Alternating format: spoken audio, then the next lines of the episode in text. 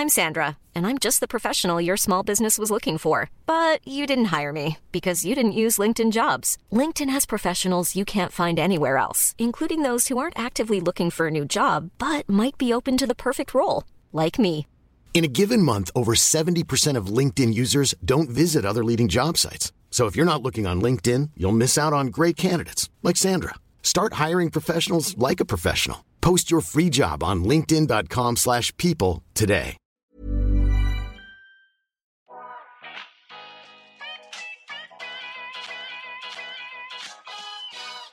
Välkommen till En timme med där jag, Sanja Tigeltia, träffar människor som inspirerar mig, som berättar om sina karriärresor, pratar självutveckling och hur de har kommit dit de är idag. I dagens avsnitt så träffar jag otroliga Louise Lundberg som hjälper varumärken att synas i den digitala världen. Louise har ju gästat podden tidigare eh, där hon pratade om hur man bygger ett personligt varumärke och är ett av mina mest lyssnade avsnitt eftersom att hon bjuder på så sjukt många konkreta tips. Och idag hjälper hon varumärken som jag nämnde att synas i den digitala världen genom bland annat grafisk design, illustration, sociala medier, nyhetsbrev. Hon driver också sina egna plattformar där hon delar med sig av vardagsteknik och kreativitet. Sjukt många bra tips. Hon, man kan säga att hon är en utbildare inom den här digitala världen där det är högt och lågt.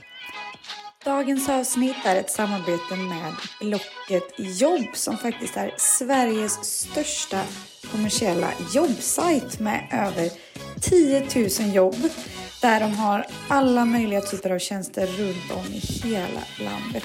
Och kanske är det så att du aktivt söker jobb eller är småsugen på att helt byta bransch. Eller bara kika runt. Då tycker jag verkligen att du ska spana in Blocket jobb.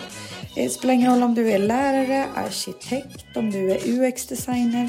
Ja, you name it. Det finns en superblandning av olika typer av jobb. Och är du osäker på hur du ska gå tillväga så finns det också en massa inspirationsartiklar på sidan. Exempelvis om hur man faktiskt tar steget för att byta jobb. Gå in och kika och bli inspirerad redan idag. Hej Louise! Hallå! Du är här igen. Jag är här igen. Du är en sån gäst jag kommer vilja ha med for life. Bra! Det händer så jävla mycket i ditt liv. Du har ju eh, blivit mamma sen sist vi sågs. Du har sagt upp dig sen sist vi sågs. Du har startat eget. Kan du inte berätta, vad gör du nu? Vad gör jag idag? Eh, jo, eh, som du sa, du kommer ju köra ett intro där du berättar lite mer. Mm. Men jag är ju idag egen och jobbar med grafisk design och illustrationer och sociala medier. Eh, och sociala medier då hjälper företag med sina men också driver mina egna kanaler. Eh, och har liksom byggt upp det eh, där jag snackar lifestyle, tech och ehm, kreativitet. Och lite skönhet. Eh, men så jag kör ju, man kan säga, jag är digital designer, är väl paraplyt liksom. Men sen så har jag gjort en liten egen spin på det, hur jag jobbar med det. Och du gör ju ett otroligt populärt nyhetsbrev bland annat. Jaha, tack. Det glömde jag nämna. Ja. Ja. Jag bara, hallå du gör... ja, jag har ju mitt eh, nyhetsbrev som är ett personligt nyhetsbrev. Ehm, I och med att jag har ju som bakgrund att jobba med nyhetsbrev eh, och älskar konceptet. Ehm, så har jag ett personligt nyhetsbrev där jag också då, men lite som ett minimagasin har det typ blivit nu. Ehm, där jag skriver om, igen, om liksom vardagsteknik eh, blandat med lite typ karriär, jobb och mm, vardagsbetraktelse typ. Sjukt eh, bra. Tack. Du har gjort en helt ny take på det. Du skriver om saker man vill läsa och så låter du en prenumerera på det. Kostnadsfritt so far. Ja, precis. Ja. Vi får se vad businessen tar det. Om man ska jag har börjat tänka hur jag ska jobba med det ehm, nu när det liksom tickar på så som det gör. Och tar så pass mycket tid som det gör varje månad och rent krasst kostar mig pengar. eh, Exakt. att Din ha. tid är ju pengar Eh, också. nej men det kostar mig pengar. Ehm, för när man kommer över tusen prenumeranter så börjar det kosta månadsavgift att skicka ut nyhetsbrev. Ehm, så jag måste nu börja tänka lite hur jag... Såklart. Det måste ju finnas en business på det. Exakt. Men jag har ju fokuserat på den andra businessen så länge. Nyhetsbrevet har ju varit ett fantastiskt sätt för mig att bygga upp community och liknande som vi kommer att prata om lite mm. längre fram tror jag. Mm, absolut. Och sedan så ritar du och designar men det går under det digitala paraplyt? Precis, ja. exakt. Så det är grafisk design eh, som är det liksom klassiska eh, digitala designen. Men sen så har jag även börjat illustrera mycket. Um, och um, gör det för företag um, för olika uppdrag. Vilket har varit jätteroligt att jag nu får liksom betalt för att sitta och rita. Vilket är lite av en barndomsdröm. ah. Så det är, det är superkul. Men så jag gör väldigt mycket, men man kan säga alltså en kreatör liksom. Ja. I allt vad det innebär. Och hur har du som kreatör, för det finns ju många, gjort för att synas och höras? Alltså, hur har du byggt upp en kundkrets? Ehm, jag har jobbat väldigt, väldigt mycket med mitt personliga varumärke. Ehm, när jag sa upp mig så eh, började jag jobba upp min Instagram. Eh, och då började jag jobba med det eh, främst med egentligen vardagsteknik. Eh, när jag började bygga upp det för jag märkte att det var en nisch som inte riktigt fanns. Eh, I den mån om att du vet de teknikbloggarna och liknande som finns ute idag. Eh, många av dem är, då är liksom helhjärtat in i teknik medan jag tycker mer om vardagsteknik och den tekniken man har i handen liksom varje dag som vi alla har. Eh, och började liksom dela med mig lite mer av det eh, och märkte att mitt konto växte och därav mitt community. Eh, och sen så när jag startade eget så gick jag ut väldigt öppet med att nu startar jag eget. Det här är vad jag ska göra. Eh, superkul om ni vill hänga med på det.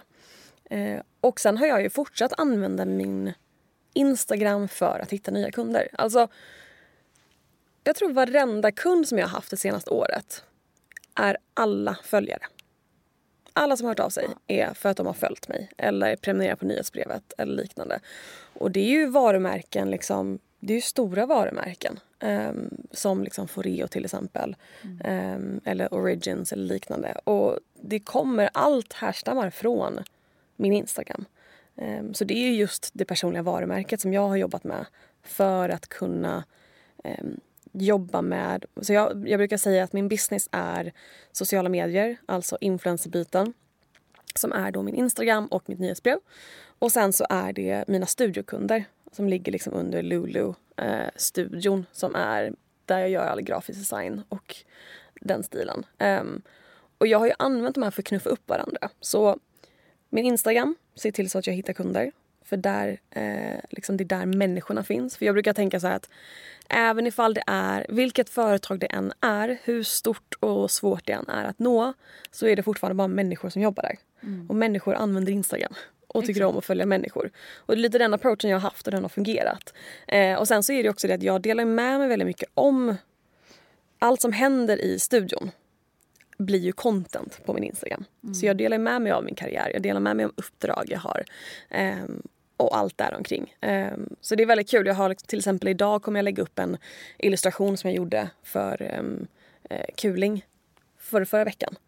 Uh, som då är någonting som jag får betalt för att göra men det blir också ett sätt för mig att visa vad jag går för. Som en portfolio. Liksom. Exakt och det är det, just att använda sin Instagram som en portfolio um, tror jag är en väldigt stor grej idag. Speciellt för kreativa uh, roller. Liksom. Men du som ändå är mamma och har ett liv och tycker om annat än, än vardagsteknik. Hur vet du då liksom vad du ska posta, hur du bygger upp din Instagram för att förmedla detta utan att det blir här är ett uppdrag, här är ett uppdrag. Liksom, hur, hur tänker du rent sådär? För de som tänker nu, jaha ska jag lägga upp när jag har kaffekopp på jobbet här och sitter och jobbar. Alltså hur gör du det intressant? Um, alltså jag skulle säga att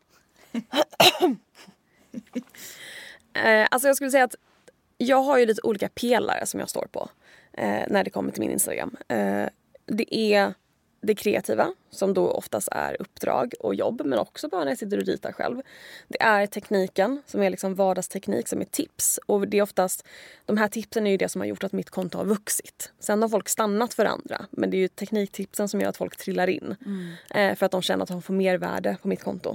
Eh, och sen så är det då karriär under det personliga där jag berättar mer storytelling om vad jag gör för någonting. Eh, och det är de här egentligen tre benen som jag fokuserar mest på. Eh, och helt enkelt lägger upp lite ett schema under månaden. Så här, vad vill jag dela med mig av den här månaden?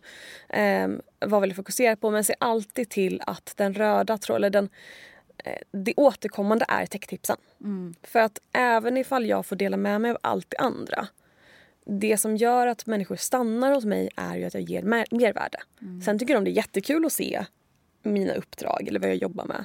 Men jag måste liksom ge dem ett... Eh, de måste få lära sig någonting hos mig och känna att de får ut någonting. Så det är egentligen, jag brukar ha det lite så här för att man pratar oftast om att man behöver nischa ner sig för att bli stor på Instagram. Vilket är jättebra och det är även, jag fick den frågan alltså där jag säger att jättebra att nischa ner sig för att man ska starta eget. Och lite som du kanske själv förstår just det här, du vet att man, eh, man löser ett väldigt specifikt problem mm. för att kunna hitta en kundbas. För att kunna liksom stå ut eh, i den kretsen. Eh, men Medan min Instagram är väldigt, väldigt bred. Jag pratar ju allt om liksom, kreativitet, teknik, skönhet, mode, träning. Jag kör allt där. Mm. Men den röda tråden är att man får tips hos mig och man alltid lär sig någonting. Antingen ifall det är tips om vilket läppstift jag älskar eller ifall det är tips med hur du kan optimera dina notiser i telefonen. Eh, och det är just det för att hålla kvar dem och att jag har det här att jag delar med mig av alla tips med tekniken gör att jag får utrymme att visa upp mitt jobb. Exakt. Det gör att jag får utrymme att visa upp allt runt omkring. För att jag ger fortfarande tillbaka någonting. Mm. Och då tycker folk det är liksom roligare. Det blir det här ge och ta. Exakt. Och utvärderar du någonsin och men det här tyckte folk om? Sätter du dig ner och liksom så här, det här gick bra, det här gick mindre bra? Absolut. Eh, varje kvartal Um. Oh, wow. Fan, man känner sig alltid så här. Varje gång jag träffat dig så bara helvete jag måste lägga mer tid på struktur. ja men varje kvartal kikar jag på eh, vad som har gått bra på Instagram, vad som inte har gått bra eh, och liksom vad folk vill se och då ser jag att det, man får ju kolla lite på olika parametrar. Eh, man kan se overall liksom engagemang ett inlägg har fått och då ser jag att det är väldigt populärt. Eh, och det är oftast bilderna på mig som får högst engagemang för att folk tycker om människor tycker om människor. Mm. Men sen ser jag till exempel att mina mest sparade inlägg är ju tekniktipsen. Och det är ju guld värt idag med sparade. Exakt, för det bygger också upp algoritmen på det sättet. Så då kikar jag på liksom vilka, eh, vilka inlägg som har gjort väldigt bra för sig och vilka som folk inte bryr sig om överhuvudtaget. Mm. Och de inläggen som folk inte bryr sig om överhuvudtaget, de brukar jag oftast fortsätta lägga upp. Det blir bara inte en del av mitt så kallade schema och måsten. Um, utan det är mer när jag får feeling för att göra det. För det ska ju fortfarande vara kul för mig att hänga där för att jag ska vilja fortsätta. Um, men nej, men så varje kvartal kikar jag på vad, vad jag vill fokusera på. Men också lite så här vilka, vilka drömkunder har jag det här kvartalet? Eller vilka samarbetspartner vill jag jobba med på Instagram? Um, vad, eh, vad vill jag berätta för stories? Jag brukar också varje kvartal fråga mina följare vad de vill se mer av. Um, och då få liksom content-idéer från dem. Eh, mm. där de kan skriva vad de har för problem som jag skulle kunna lösa. Oh, wow. och, och sen är det liksom, är, är det segt att vara ansiktet eller är det utåt för sitt eget liksom, bolag? Är det en press på det? Eller vad har du för tankar om att vara utsock, ansiktet utsock, utåt för sig själv? Det är absolut en press. Ehm, jag känner inte att det är jättestor press just nu men jag känner att den blir större. Mm. Allt eftersom att jag växer. Och det är mer bara att det kan komma fram någon på gatan och säga att de tycker det jag gör är kul mm. och bra. Vilket gör mig så jäkla glad. Men det gör mig mer medveten om att jag, får inte, jag ska inte ha en dålig dag på ICA. Nej, exakt. men, ehm, nej, men jag tycker bara det är roligt just för att jag är som person tycker jag det är väldigt kul att vara i centrum. Mm. Och jag tror man behöver kanske ha det i sig. Um, vi, min syster skämtar om det att när jag var liten ville jag alltid bli skådespelerska. Mm. Och det här är liksom scratch that itch. här sitter jag med podd och sitter du med. Exakt, exakt. vi vill bara synas och få bekräftelse. um, nej men så det, jag tror man behöver ha det i sig. Um, men jag jobbar också mycket på att på ett sätt skapa distans till min Instagram. Eh, nu har det varit lite svårt för jag har varit mammaledig i två månader igen. Men annars så till exempel i höstas och som jag har gjort under veckorna är att jag är egentligen som mest aktiv på Instagram under dagtid. Mm. Måndag till fredag. Sen är inte jag lika aktiv på helgerna eller på kvällarna. Jag är det ibland ifall jag får feeling liksom. Men det är inte det som är huvudfokuset på mitt konto. Och det har gjort ganska bra på det sättet att jag har kunnat varva ner. Eh, och jag har kunnat lägga in liksom att ja, men Instagram, där, är, där lever min karriär. Där lever den delen av mig. Mm. Eh, och jag delar med mig av familjelivet till viss mån. Men inte, det är liksom inte en familjeplats Nej. på det sättet. Utan det är jag som är i fokus och typ inte min dotter till exempel. Eh, och det har verkligen hjälpt. Eh, och det gör att man får lite distans till det. Eh, och lite lättare. Men är du inte rädd då att eftersom att du är ansiktet utåt att många bolag vill ju ha din hjälp Mm. och din tid är ju precis som alla andras 24 timmar på ett dygn. Hur tänker du kring det liksom om man eh, om du blir fullbokad eller vill du skala upp eller hur, kan det finnas någon typ nackdel med det då? Absolut. Nackdelen kan ju vara som du säger att företag vill jobba med mig specifikt. Ehm, men där tror jag det mer handlar om, för att jag kikar nu på att ta in en junior grafisk designer för att kunna hjälpa till. Ehm, men där tror jag det handlar mer om att eh, fortfarande finnas där i ren relationsmässigt till kunden. Men att bara förklara att det fortfarande är jag och min vision eh, som finns där. Liksom. Men att man har ett team som hjälper en. Exakt. Eh, att det fortfarande är liksom, mitt namn på det blir det inte. Men liksom, det är fortfarande jag där. Ja. Eh, men jag tror absolut, det är ju en nackdel med det att om man är för nära och det bara är jag, jag, jag. Det är ju en sån till exempel med mina illustrationer. Det kan ju inte jag lägga över på någon annan. Nej. Det måste ju jag göra. Men däremot när jag hjälper företag med eh, nyhetsbrev och att skapa mallar för det. Det är ju någonting som jag kan delegera. Exakt. Och, lära fortfarande, upp precis, och fortfarande ha eh, overhead i det projektet. Men kan liksom ha någon att hjälpa till att implementera. Ja. Eh, så det är olika delar av och vad det är man vill eh, vad det man vill växa. Men det som är det som är skapat till exempel med illustrationer där det inte är någon annan som kan göra det med min hand. Då måste jag vara kopplad till det. Mm. Ehm, men det är inte heller någonting som jag kan skala på det sättet som man kan göra med till exempel grafisk design eller ehm, liksom sociala mediestrategier och templates och liknande. Mm, Nej men super, superintressant. Jag känner igen mig mycket i PR-biten eller i och med att jag frontar mig själv som expert. Precis, hur har du märkt det? Nej men alltså där känner ju jag någonstans att så här, oh, vad, kan man, vad kan man outsourca, vad kan man inte? Pressmeddelanden kan man outsourca kanske. Mer än liksom kreativa idéer är svårare. För att där har jag ju min take på det. Eller relationsbyggandet. Jag älskar ju relationer och det är oftast där jag får in en kund. Men att man kan liksom back-office-biten som jag gärna delegerar ut. som jag skrev till dig ibland i desperation och liksom strukturera upp. För att det, är- det är ju det, jag, jag hovar ju in kunder gärna men det är så här all struktur och sånt. Det är ju det Eh, jag gärna liksom hade haft hjälp med och, och sådär. Så, så att mm, jag har också börjat liksom tänka så här, shit ska jag fronta mig själv? Men, men jag tror precis som du säger att vissa saker får man alltid vara med i och andra saker går ju faktiskt att ta hjälp till. Alltså så, så länge man eh, liksom säkerställer kvaliteten på det innan leverans till kund. Exakt, precis. Det är det. Så länge du känner att du kan sätta ditt namn på det. För det är ju det att, att ha det personliga varumärket som du också har. Det är, jag tror det är så jäkla viktigt i att sticka ut. För igen, människor tycker om människor. Och människor anlitar människor. Ehm, och det finns en styrka i att vara en person bakom eh, en framgång. För det gör att folk vänder sig dit specifikt. Eh, men sen som du säger, det administrativa kan du väl, väldigt lätt delegera. För det är ju inte heller någonting som dina kunder Nej. märker av. Liksom. Nej, nej, nej men verkligen. Och, och jag tänker på en annan sak liksom. Eh, för de som sitter där ute nu och tänker så här, men hur kan jag eh, sälja in mig själv? Vad har du och tips? Eh, vad har du för tips att ge till hur man säljer in sig själv? Ska man liksom aktivt söka sig till folk och ska man profilera sig extra mycket eller? Precis, jag skulle säga att det finns ju två delar av det. Det ena är ju att sälja in sig till den stora massan. Alltså att bygga sitt personliga varumärke. Och den andra är ju att sälja in sig till en specifik kund.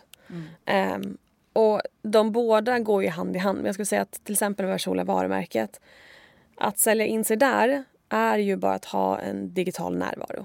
Att visa vem du är och se till att folk enkelt kan hitta dig. Och när de hittar dig ska de enkelt förstå vad du kan göra för någonting. Um, och lite som vi har pratat om tidigare, att man är väldigt rädd för att göra det och visa upp sig. För det är lite läskigt och så ska man inte göra här i Sverige. Det är, Mm, ja, man, ska liksom, det är inte, man ska inte hålla på med det på det sättet. Ehm, men jag känner så att det är, det är liksom inget fel att vara stolt över sig själv och visa upp sig själv. Det är snarare någonting man ska sträva efter. Mm. Att vilja visa upp sig och det man kan göra. Um, så jag har jobbat väldigt mycket på att göra det som vana för mig att visa upp vad jag gör. Eh, och visa när jag är stolt över någonting. Och ett sätt att göra det är ju att eh, be om feedback från tidigare kunder. Och visa upp det. Eh, någonting som jag kallar för som social proof. Eh, alltså ifall du har haft ett uppdrag med en kund och du vet att de är nöjda med dig. Be dem skriva en liten paragraf med bara, vad tyckte ni om det här uppdraget och vad tyckte ni om att jobba med mig? Eh, och sen dela det. Visa upp det på dina kanaler. Eh, och visa, för då blir det inte du som skryter om dig utan du visar att andra skryter om dig. Ja, ja men precis. eh, men att vara inte alltså till exempel mitt nyhetsbrev. Det är ju, det är ju nästan 50% av alla som följer mig är även prenumeranter till nyhetsbrevet. Vilket är superkul. Um, men sen så växer ju också nyhetsbrevet med ungefär 400 personer varje månad. Eh, wow. och, och de kommer ju alltid efter att... För jag skickar ut ett nyhetsbrev på måndagen. Sen så pratar jag om det och berättar att jag skickat ut det. Och sen så visar jag screenshots på vad andra har sagt om nyhetsbrevet. Eh, ifall de har skickat ett meddelande till mig att de tyckte det var bra. Eh, eller de kanske lagt upp i story själva. Men jag visar upp att andra uppskattar det här. Eh, vilket jag, och sen säger jag att nyhetsbrevet kommer ut till alla nya prenumeranter på torsdag. Det här gör att under den luckan så får jag in nya prenumeranter för att de ser att andra människor tycker om det här. Då borde jag också göra det. Och så hoppar de på. Eh, lite som hur vi fungerar du vet om man ska köpa en produkt online. Mm. Och du har två olika hemsidor. Mm. På ena hemsidan finns bara produkten. På andra hemsidan finns produkten och recensioner.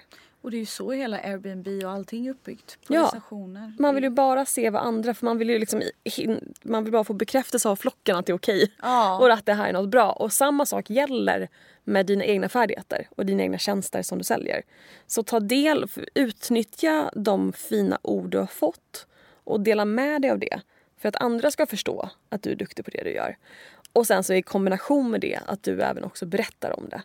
Eh, och ett sätt att göra det också som gör att det inte känns lika läskigt kan ju vara att berätta mer behind the scenes.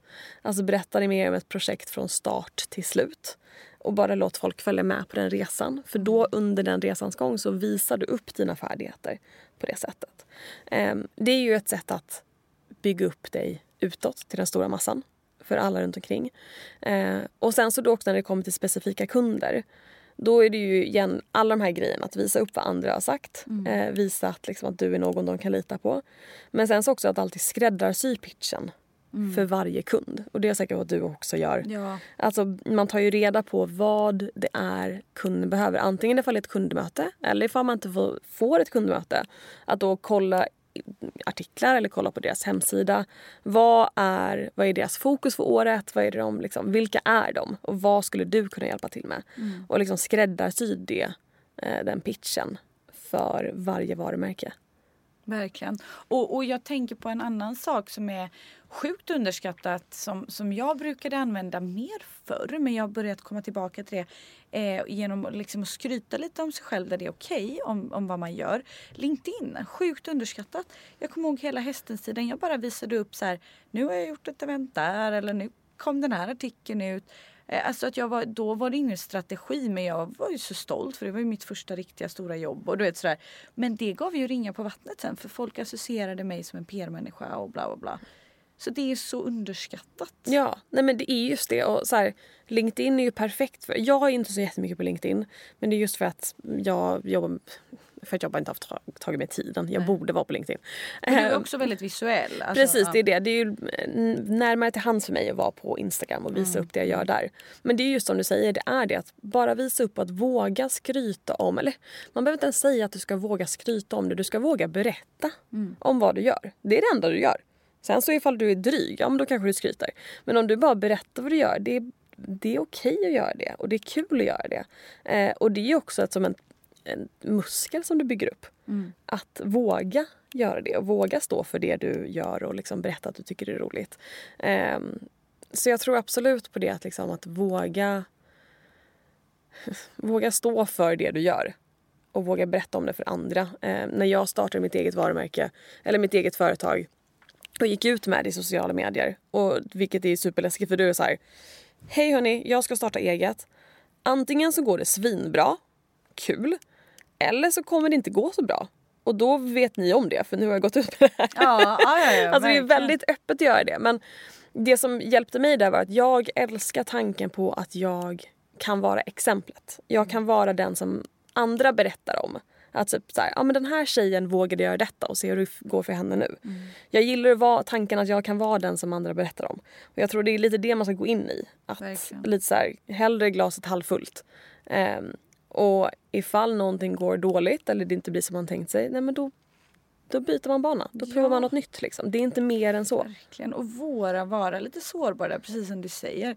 Jag har också varit sån. Jag bara sa, ja men går det åt helvete, jag tar ett, ett, en anställning. Sen kanske det inte är en drömanställning för mig, men jag, jag har ingen prestige i det. Nej. Bara jag får en lön så länge tills jag hittar nästa steg. Eller du vet. Så här. Exakt. Precis. Och det är också det att det, jag tror att för många behöver man prova för att veta till exempel om egenföretagare ens är för dig. Ja. Alltså det kan, och det är en sån grej, jag är ju fortfarande på den. Jag är ju, det är ju fortfarande där jag går och så här, åh gud nu måste jag, just det, vad, vad ska jag göra i maj? Hmm. Och så är det liksom stressen. Och det är ju någonting som vi inte kommer komma ifrån. Så kommer vi alltid ha det. Och sen kan det vara att friheten väger upp för det. Ja. Men det kan ju också vara att det kommer i perioder där vi bara, nej vet du vad? Vi skiter i detta. Nu, jag vill ha en anställning. Jag vill Ja. vara någonstans, jag vill bygga, jobba med ett varumärke, jag vill bygga någonting. Och det är inget fel med det heller. Att det, och lite, det är lite det jag försöker prata om att mycket på mina kanaler, att det är okej att prova någonting. Och sen är det okej att ångra sig. Verkligen. Eller det är okej att få nytt tycke för någonting liksom. Eller pausa det. Eller liksom Ja, ja, ja. Vad som helst. Och, och en sak som jag är väldigt nyfiken på som jag brukar skriva till dig ibland. Hur du jonglerar så många saker samtidigt. Ja. Så det är ju en jäkla stress för hjärnan. Det är det. Ehm, absolut. Stundtals är det det. När jag inte är on top of it. Ehm, men Hur är man on top of it? skriva ner det. Och det låter så fruktansvärt enkelt. Eh, Vad menar du? men alltså, så som jag bygger upp min vecka eller min månad är att jag använder mig främst av två stycken eh, program. Google Calendar. För, rent för att jag tycker eh, den kalendern har bäst funktioner för liksom, uppgifter. Ehm, och Trello. Och Trello är liksom som projektledningsprogram. Liksom. Eh, om man har följt mig ett tag så sitter man antagligen och skrattar och ler som Sanja gör nu. För att jag, jag har pratat om Trello några gånger. Eh, nej men det som jag helt enkelt gör är att för att ha koll på mina uppdrag är att i Trello så har jag varje månad, där har jag liksom uppdragen för året. Vad som händer varje månad och kan se det. Och sen så i Google Calendar där har jag veckoschemat. Och det jag gör är att varje måndag morgon och fredag eftermiddag då avvarar jag i alla fall en timme till admin. Där jag bara ska kolla på måndagar. Vad har jag att göra den här veckan? Hur ser det ut? Fredagar, hur har veckan varit? Var det någonting jag inte gjorde? Behöver det liksom fångas upp till nästa vecka? Så de två admin-timmarna är egentligen avgörande för att det här ska funka? Ja, att ta den tiden. Eh, och det är mer bara att, att ta den tiden på måndag morgon. Du vet ifall du har, du har massa saker i hjärnan och du liksom, du, eh, allting bara snurrar runt och du har inte riktigt koll på vad det är du ska göra och behöver göra. Att bara ta den timmen, att bara få ner allt på datorn eller på papper och sen därifrån börja prioritera. Vad behöver jag faktiskt göra den här veckan? Vad behöver jag inte göra? Vad kan liksom skrotas helt och hållet? Ehm, och sen så jobbar jag också med blockschema som, som du har sett. Eh, och det är ju helt enkelt att man... Jag lägger upp ett schema för hela veckan. Och så avvarar jag tid. Till exempel att här onsdag förmiddag två timmar. Det här ska bara gå åt projekt A.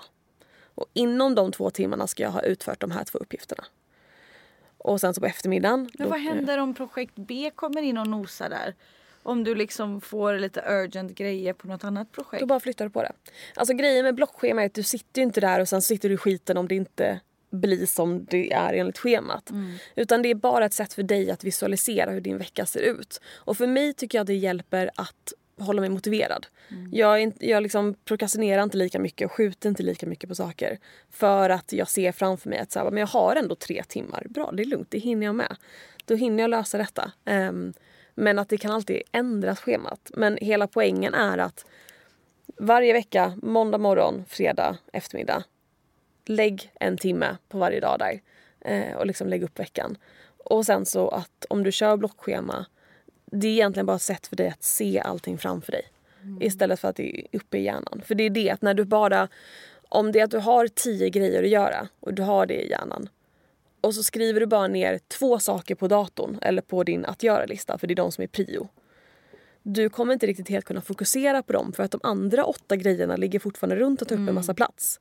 Och poängen är att du tömmer hjärnan på att göra uppgifter så att du sen kan börja plocka in dem igen. Liksom.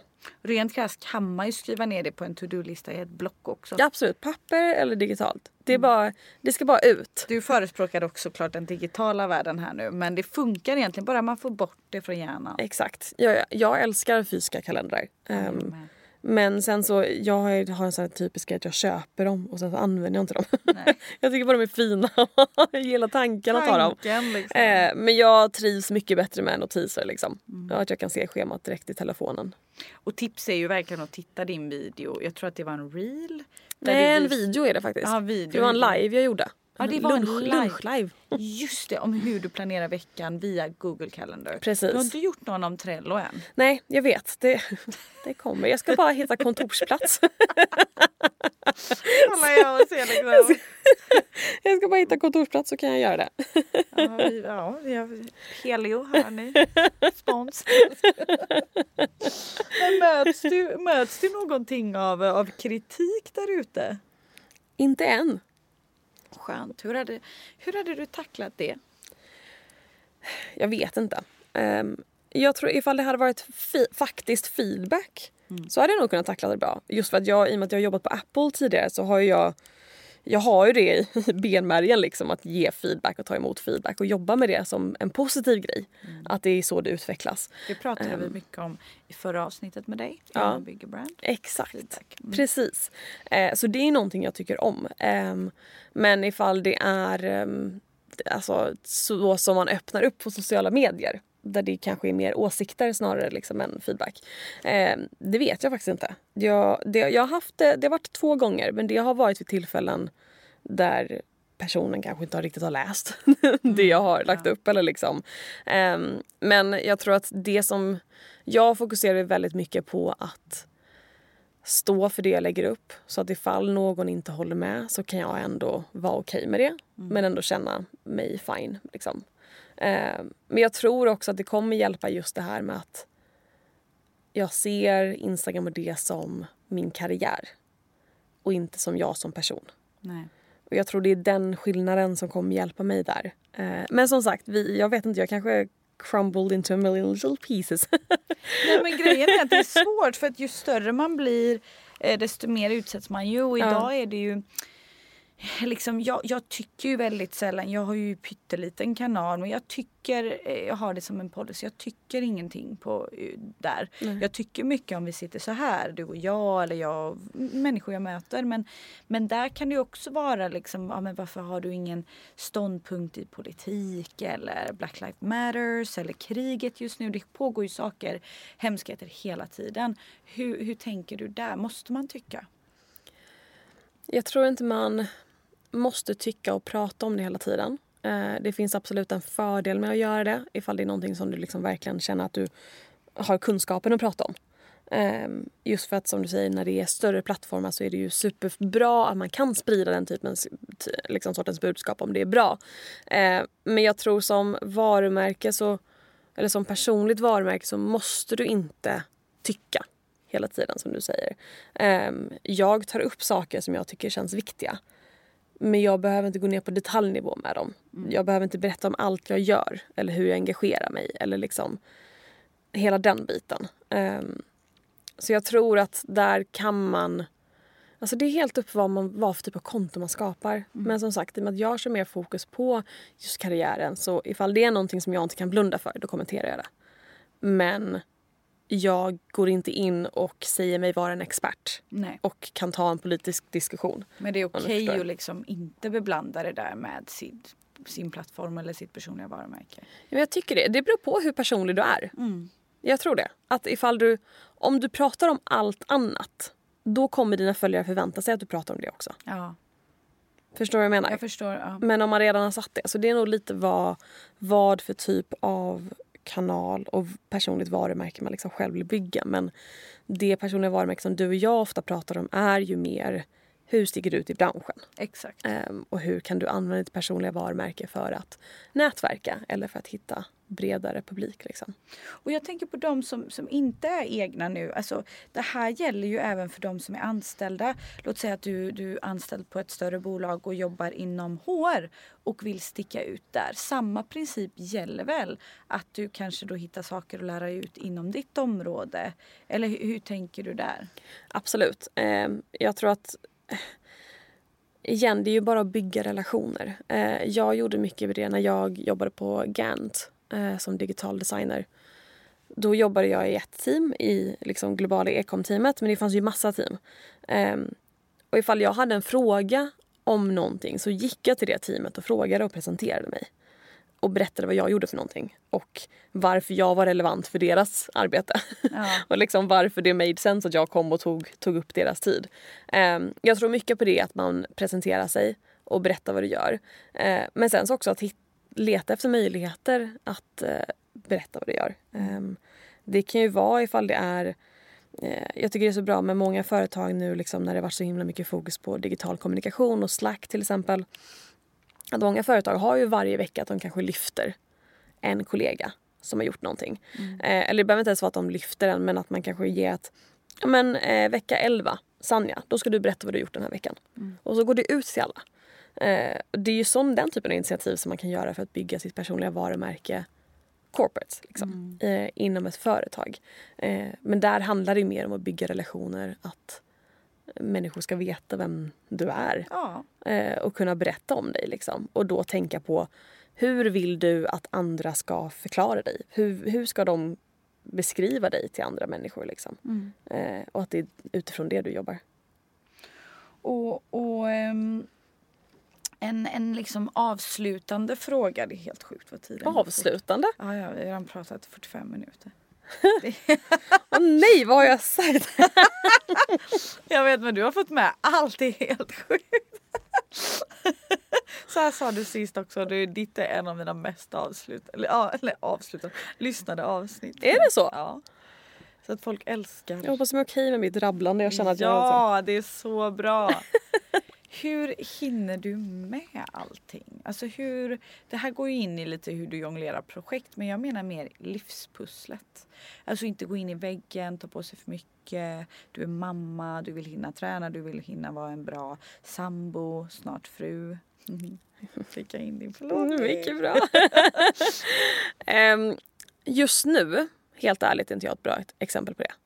Um, Vilket är rätt nice att du säger. Ja, nej men för jag har, eh, just när du säger typ du vill träna, jag bara jag har inte tränat sedan december.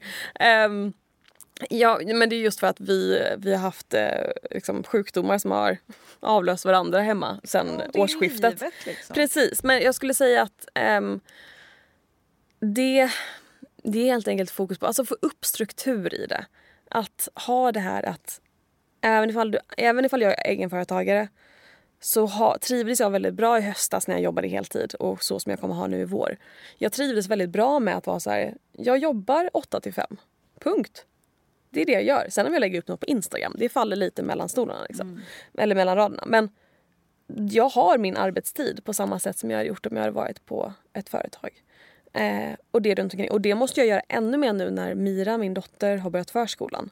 Nu behöver vi det här livspusslet som alla snackar om. Mm. Det är någonting som man verkligen behöver börja jobba med och jag tror att det kommer vara en stor grej för mig att faktiskt hålla mig till arbetstider. Eh, och se till att på kvällarna umgås med min sambo eller fästman. Eh, eller att umgås med familjen på helgen. Eh, och det är, det är verkligen det. Och sen så då kommer ju också den här, för jag är, det som du nämnde tidigare med att man det är så kul att hova in kunder. Mm. Och sen ska man utföra det. Ja exakt och leverera. Där är jag. Alltså, jag, tycker det, jag tycker det är så roligt att sälja in mig själv. Jag ja. tycker det är skitkul. Och liksom, ja, är så ja men och du vet så här, också att jag ser planeringen så här, men, det här, ja, men jag ska fakturera så mycket i april, så mycket men, men bra, ja. bra nu är det på G, det känns bra här. Och sen så bara just det, där kom månaden och nu ska jag göra allting. Ja. Um, och där, jag har blivit mycket bättre på att säga till kunden nu att så här, jag är fullbokad tre månader framåt. Hur ser det ut då? Mm. Att inte vara rädd för att förlora projekt. Eh, men också nu då att ta in hjälp. Att Exakt. liksom ta in hjälp där jag behöver det. Eh, så att jag inte går in i väggen. För där har jag varit och nosat tidigare. Eh, för fyra år sedan ungefär. Eh, och då gick jag in i väggen. Eh, och då, det, där vill jag inte vara igen. Eh, så det är verkligen fokus på att, lite som du sa, man har bara x antal timmar per dygn. Bete dig efter det. Ja. att liksom sluta låtsas som att jag har och kan jobba 24 timmar om dygnet för det kan jag inte göra. Eh, utan, och nu har vi båda Aura-ringar som säger till oss hur mycket eller lite vi sover. Som gör att man håller koll på att så här, jag behöver min återhämtning. Ja. Och jag behöver ha lite downtime liksom. Eh, så att verkligen, det skulle jag nog rekommendera alla. Att håll dig till arbetstiderna och strukturera därefter. Ta måndag morgon, hur ser veckan ut? Det här är de timmarna du har. Hur kan du leverera? Vad kan du lägga in? Om det är någonting som känns som att det blir tight, flagga på måndagen om du kan skjuta på det till nästa vecka.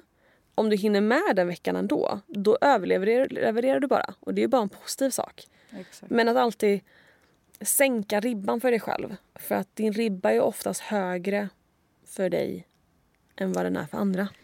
Det är ju så, man vill ju hinna med allt liksom. Men det är ju det, man ska nog inte börja nosa på kvällsjobbet för då blir det dygnet runt. Nej, Man stänger inte av. Så, så har jag haft det nu. Alltså, nu har jag ju varit mammaledig så jag jobb, har varit med henne på dagarna. Men det är det, man stänger inte av.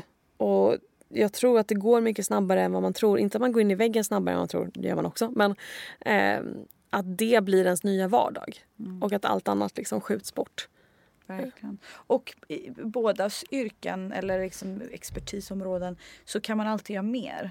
Alltså du kan ju alltid finlira saker eller komma på någon kreativ idé. Eller, 100 procent. liksom så. Man kan alltid utveckla, man kan alltid göra mer. Och det är en sån grej att jag nu har börjat tänka på saker som jag är så här, ja men det ska jag göra till hösten. Det fanns ju inte för mig för ett halvår sedan. Att jag skulle stoppa mig själv och bara, men det är inte någonting för Q1 och Q2. Q3, då kan du kolla på det. Ehm, Ja för nu är ju ditt bolag Louise bolag. Alltså så här, du är produkten eller liksom bolaget. Så du kan inte exakt. köra slut liksom Q1. Precis, nej jag måste ha plats och göra det resten av året liksom. Ehm, så att bara strukturera upp det men att verkligen att, lite du vet det här man säger med tårt, tårtbitarna. Att jobbet är liksom bara en av fem tårtbitar.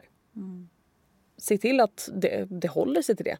De andra tårtbitarna ska också få plats liksom. Exakt. Och, och eh, är det någon, eh, nu har jag inte förberett dig på den här frågan. Men är det någon gäst som du jättegärna hade velat höra i podden? Eller liksom, vad har du för förebilder i branschen? Eller någon du ser upp till eller som du tar inspo av? Eller när jag utvecklar det så här så ger jag dig lite tid och kanske komma på ett namn. Du ser att jag sitter och tänker Ja. för fullt här. Nej men den är inte nice att få bli tagen på, på sängen som man brukar säga. Okej vänta. Jag vet vem du ska intervjua. Oskar Pernefelt. Vem är det? Det är en um, gammal vän till mig eh, som är um, art director. Jag tror han jobbar på Oatly nu.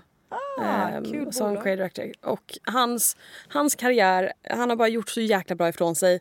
Ehm, och han är en så härlig och intressant person och jag tror du hade älskat att höra hans eh, bara om hans karriär. Och han, är även, han har även skapat, ehm, vad blir det, jordens flagga. Den officiella flaggan för jorden. Oj. Som han gjorde som ett personligt projekt som tog vid och är nu liksom används över hela världen. Va? Ja, ja. Sätt ihop oss. Ja, jag ska göra det. Wow. Det hade varit jättekul att höra honom prata om sin karriär. Snyggt, det var värt väntan. Tusen tack. Och vänta, hur hittar man till dig nu om man är nyfiken? De, för de som inte vet, som kanske inte har hittat. Nej, ehm, man hittar mig lättast på Instagram. Skulle jag säga. Ehm, och då är det på lulu understreck Louise. Och då är det alltså L-O-U L-U understreck Louise. Och det är ju för att Lulu är ju namnet på mitt företag. Ehm, så ni hittar mig på Instagram och därifrån kan ni hitta min hemsida och ni kan hitta mitt nyhetsbrev. Ehm, som är jävligt bra. Tack. Tack snälla för att du ville vara med. Tack själv. Det känns som att jag kom in hit för tio minuter sedan. Jag vet, jag, ser på dig att du är såhär, har jag ens sagt något? Så här sa du sist med, trust your gut. Eller my gut. Ja, exakt, jag skulle säga det. I så fall blir det tre timmar till du. Nej, jag lovar. Okej, vad bra. Tack för att jag fick komma tillbaka. Tack för att du ville. Det kommer bli en, en förfrågan till hösten igen. Vi plockar upp lite olika ämnen så Ja, kör vi. ja. Vi kan prata i all oändlighet. Tack. Om ni gillar podden så får ni hemskt gärna dela den här med era vänner. Men också gå in och prenumerera och jättegärna lägga en liten kommentar. Det hade gjort mig så otroligt glad.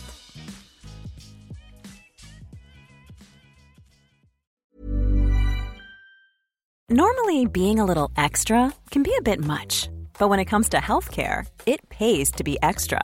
And United Healthcare makes it easy with Health Protector Guard fixed indemnity insurance plans. Underwritten by Golden Rule Insurance Company, they supplement your primary plan, helping you manage out of pocket costs without the usual requirements and restrictions like deductibles and enrollment periods. So when it comes to covering your medical bills, you can feel good about being a little extra. Visit uh1.com to find the Health Protector Guard plan for you.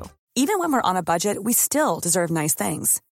Quince is a place to scoop up stunning high-end goods for 50 to 80% less than similar brands. They have buttery soft cashmere sweaters starting at $50, luxurious Italian leather bags, and so much more. Plus, Quince only works with factories that use safe, ethical, and responsible manufacturing. Get the high-end goods you'll love without the high price tag with Quince. Go to quince.com slash style for free shipping and 365-day returns.